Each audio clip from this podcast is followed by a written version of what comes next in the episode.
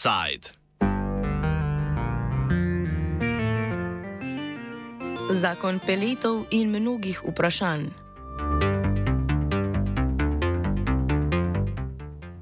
Državni zbor je sprejel zakon o nujnem posredovanju za obravnavo visokih cen energije.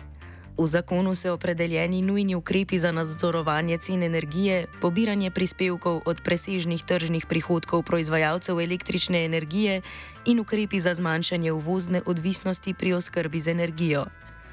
Ministrstvo za infrastrukturo je zakon pripravilo na podlagi dogovora evropskih ministrov za energijo z konca septembra in sporočila Evropske komisije o začasnem okviru za krizne ukrepe državne pomoči v podporo gospodarstvu po agresiji Rusije proti Ukrajini.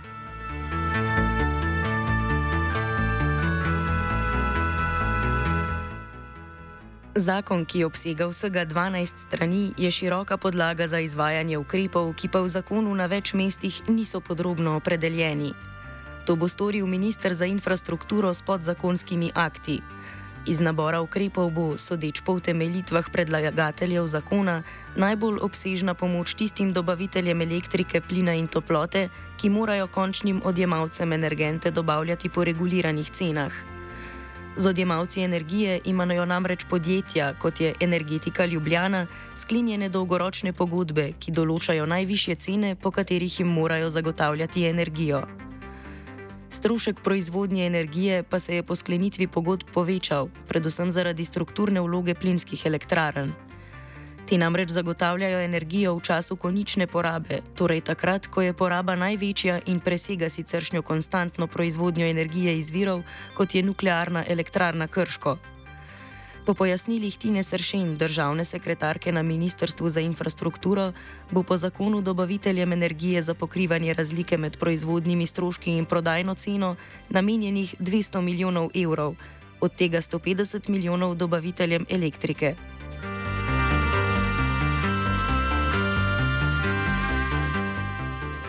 Zakon poleg tega uvaja zmanjšanje porabe velikih gospodarskih subjektov v času koničnih ur. Tudi pri tem vlada upošteva predlog Evropske komisije. Podrobneje bo omejevanje porabe določil sistemski operater prenosnega električnega omrežja Elektroslovenija oziroma ELES. Ure koničnih obremenitev morajo predstavljati vsaj 10 odstotkov vseh ur porabe med 1. januarjem in zadnjim marcem naslednjega leta. Eles bo ocenjeno porabo električne energije objavil na svoji spletni strani do konca leta. Več o učinkih določitve koničnih ur pojasni Tomaž Lah, poslanec stranke Gibanje Svoboda. Predlog zakona med drugim prinaša eh, posebno rešitev za najdražja obdobja tako imenovane konične porabe električne energije, ko se mejna cena običajno določa na podlagi eh, cen zemljskega plina. Obvezni cilj, ki ga moramo doseči in je zavezojoč za vse države članice, je vsaj pet odstotno zmanjšanje bruto porabe električne energije v cenovnih konicah. To zmanjšanje odjema električne energije v času konic bo imelo dvojni učinek.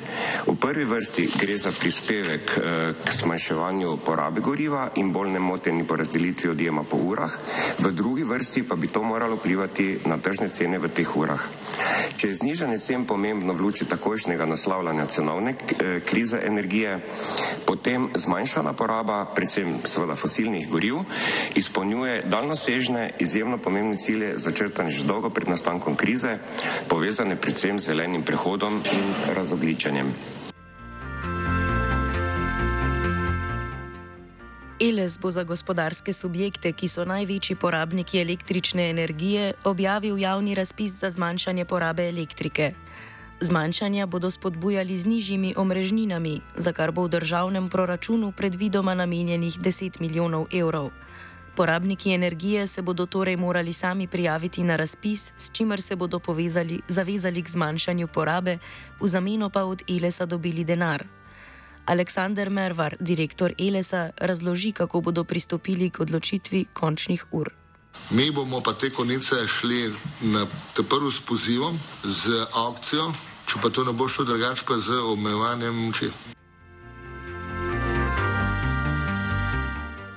Tina Sršin odgovarja na naše vprašanje, kako bodo dosegli zmanjšanje porabe energije, če se porabniki ne bodo prostovoljno prijavili na zmanjšanje porabe. Menimo, da bo dovolj interesa, da se to dejansko doseže. Tudi ELES, ki se trenutno pripravlja na poziv vsem tem, ki bi bili za to in, zainteresirani, nam zaenkrat sporoča, da interesa bo verjetno dovolj.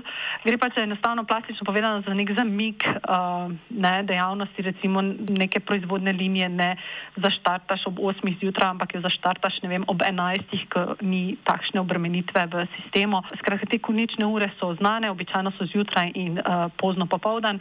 In takrat gre za to, da pač dobiš določeno število teh pravnih oseb, ki bi bile pripravljene zamikati a, neko a, proizvodno oziroma obremenitev sistema v tem obdobju. Zakon o ločenem ukrepu omogoča omejitev preseženih tržnih prihodkov proizvajalcev električne energije. Tako bodo državnemu proračunu pripadli tržni prihodki od prodaje elektrike, ki je bila proizvedena in prodana na veleprodajnem trgu v obdobju od 1. decembra letos do konca naslednjega leta, če so ti prihodki višji od 180 evrov na megavatno uro. Glede na to, da lahko država kot lastnica večine energetskih podjetij njihove dobičke tako ali tako pobere prek dividend, se poraja vprašanje, kaj je sploh namen uvedbe omejitve presežnih tržnih prihodkov odgovarja Tina Sršen. To je potrebno razumeti, da je to v nacionalno zakonodajo prenešeno na podlagi Evropske krizne uredbe. To je bil nek kompromis, ki je bil sklenjen, gre za nek nadomestek tako imenovanemu obdavčitvi eh, velikih profitov, s tem, da se je to naredilo na tehnologije natančno in se je določilo, zato da bi bile pač vse elektroenergetska podjetja v enakem položaju, se je določilo neko mejo, ki bi veljala v širšem evropskem kontekstu in bi vsem dala neko enako možnost primerljive konkurenčnih pokojev, to je 180 evrov na megavatno uro na polferski ravni. To namen tega je, da se prvo kot prvo pobere te presežne tržne prihodke, če bi do njih prišlo, ne? ti pol pripadajo proračunu tiste države na ozemlju, katere katere se neka električna energija proizvede. Hkrati pa vsemu omogoča še vedno neko investicijsko možnost tem podjetjem, da lahko tudi investirajo v to, kar zdaj trenutno najbolj rabimo, torej nove kapacitete pred naslednjo zimo. Državna sekretarka je pojasnila tudi, zakaj je meja za omejitev preseženih tržnih prihodkov postavljena prav pri 180 evrih na megavatno uro. Zdaj, odkot pa je to prišlo, oziroma ta meja je bila sporazumno kompromisno izpogajana na ravni EU, sloni na analizah, ki jih je upravil ACER. ACER je agencija za koordinacijo za sodelovanje energetskih regulatorjev, ki Evropski komisiji posebej, kar se tiče delovanja energetskih trgov, marsikdaj in marsičem uh, svetuje in jim uh, daje ustrezne analize. In ta je nek kompromis, ki je bil um, prvo kot prvo v neki širšem regijskem kontekstu izbran kot ustrezen na podlagi ACER analiz, kot uh, uh, nivo, ki ohranja uh, podjetjem, ki delujejo na energetskih trgih v, v EU, ustrezen nivo, istočasno tako imenovanje enakih konkurenčnih pogojev, hkrati jim pa dopušča neko možnost investicijskega potencijala za, za naprej. Namreč, če bi vse te tehnologije, ki so, ki zajete v ta, ta sklop, ki ga ureja pol naslednji člen predloga zakona, če bi jih ob tako imenovano, da rečem, obdavčili oziroma bi jim pobrali vse prihodke, ki so nad njihovo stroškovno mejo, bi s tem naredili dvoje. Prvo kot prvo jim ne bi omogočili, da a, dokupujejo tisti manjko, ki ga ne uspejo dostaviti svoje same za lastno proizvodno, drugo kot drugo bi jim popolnoma odzeli kakršnikoli investicijski potencial. In rih ta investicijski potencial je zdaj v tem momentu ključen za to, da spodbudimo investicije, za to, da nam bo naslednjo zimo in naslednje zime uh, lažje. Meja za omejitev tržnih prihodkov od proizvodnje energije iz lignita je sicer višja, 230 evrov na megavatno uro. Med izjeme, za katere omejitve tržnih prihodkov ne bodo veljale, so na ministrstvu uvrstili proizvodnjo energije iz zemljskega plina. Upravičenost tega utemeljuje Tina Sršen.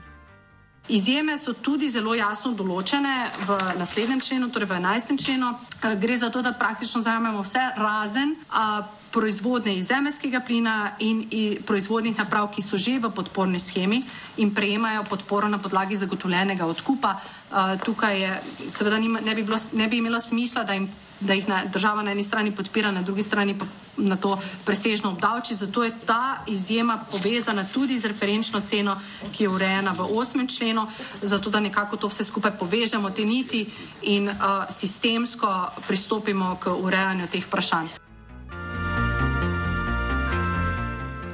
Državno sekretarko smo pri tem vprašali, kako se bo izvajala omejitev presežnih tržnih prihodkov. Nadzor nad tem uh, naj bi izvajala Agencija za energijo, vendar je mehanizem postavljen tako, da morajo pač ti zavezanci, ki so določeni sami, ugotoviti, koliko teh presežnih prihodkov imajo in to nakazati proračun Republike Slovenije. Zdaj, ali bodo pa to uh, dejansko naredili uh, na pravilen način, bo pa ugotavljala potem Agencija za energijo. Da bi pospešili uvajanje energije iz obnovljivih virov, zakon dodeljuje neposredna nepovratna sredstva za investicije v nove proizvodne naprave, za proizvodnjo obnovljivega vodika, bioplina in biometana iz odpadkov ter ostale proizvodne naprave v lasti mikro, malih in srednje velikih podjetij. Gradnjo teh elektrarn bo subvencionirala država, mehanizem subvencioniranja pa razloži Hinko Šolinc, generalni direktor direktorata za energijo na Ministrstvu za infrastrukturo. Kar se tiče pa tega zakona, ta pa posega na manjše elektrarne velikosti 50 kW do 1 MW.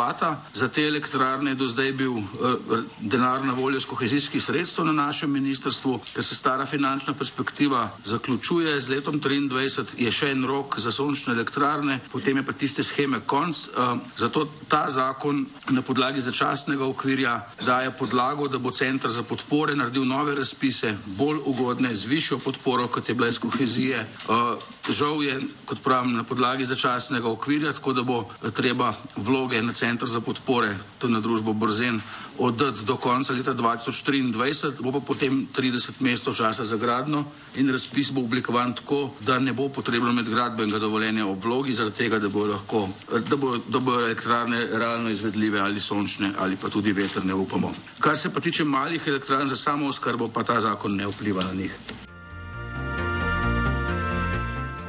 Šolinc pojasni, zakaj velike elektrarne na obnovljive vire niso vključene v program financiranja. Velike elektrarne na obnovljive vire, ta zakon na to ne posega. Zakon o spodbujanju rabe obnovljivih virov pred dobrega leta je sistem uredil. Vlada je sprejela dolgoročni časovni načrt, na podlagi katerega bo Agencija za energijo izvedla javne razpise, kamor se lahko za podporo elektrarne prijavijo. To se že izvaja in stvar je v, v praksi uveljavljena in denar je na voljo. Agencija te razpise izvaja enkrat oziroma dvakrat letno. Edina težava je umeščanje teh elektrarn potencijalnih, ki bi se prijavile v prostor.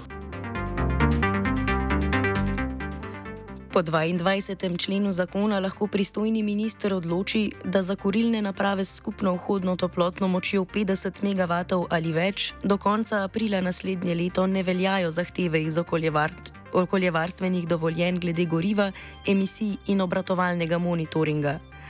O tem členu je z nami podrobneje spregovorila Tina Seršen.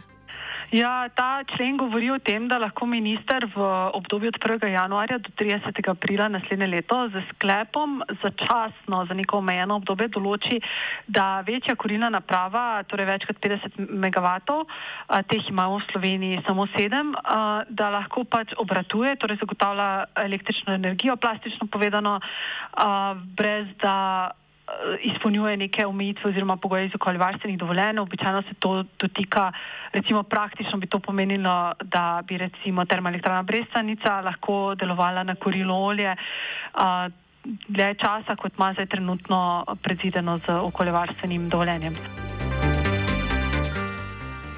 Poslanka levice Nataša Sukič je izpostavila, da je 22. člen zakona pomankljiv, saj ne določa varovalk, ki bi prepovedale kurjenje odpadkov.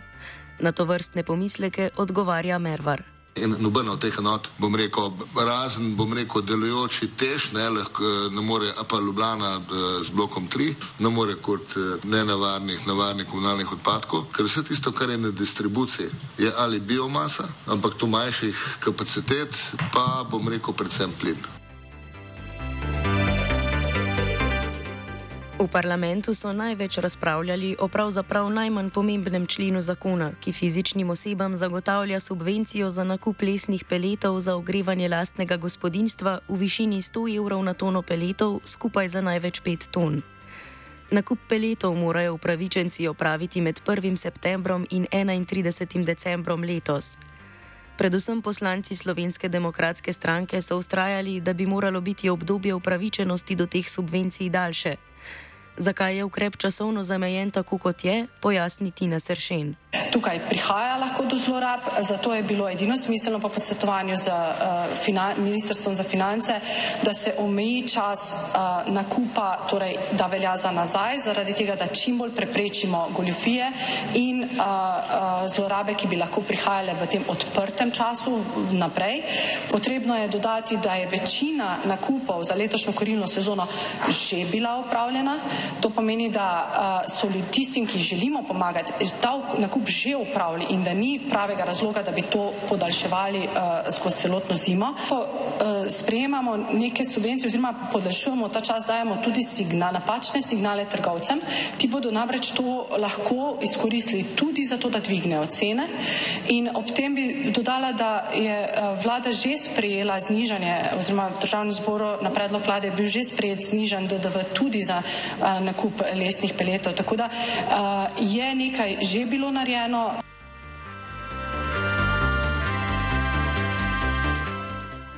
Kljub temu, da zakon o nujnem posredovanju za obravnavo visokih cen energije torej predstavlja podlago za mnoge ukrepe, je iz pregleda jasno, da ti ukrepi niso preveč daljnosežni. Ne na zadnje se vsi našteti ukrepi lahko izvajajo največ do konca prihodnjega leta.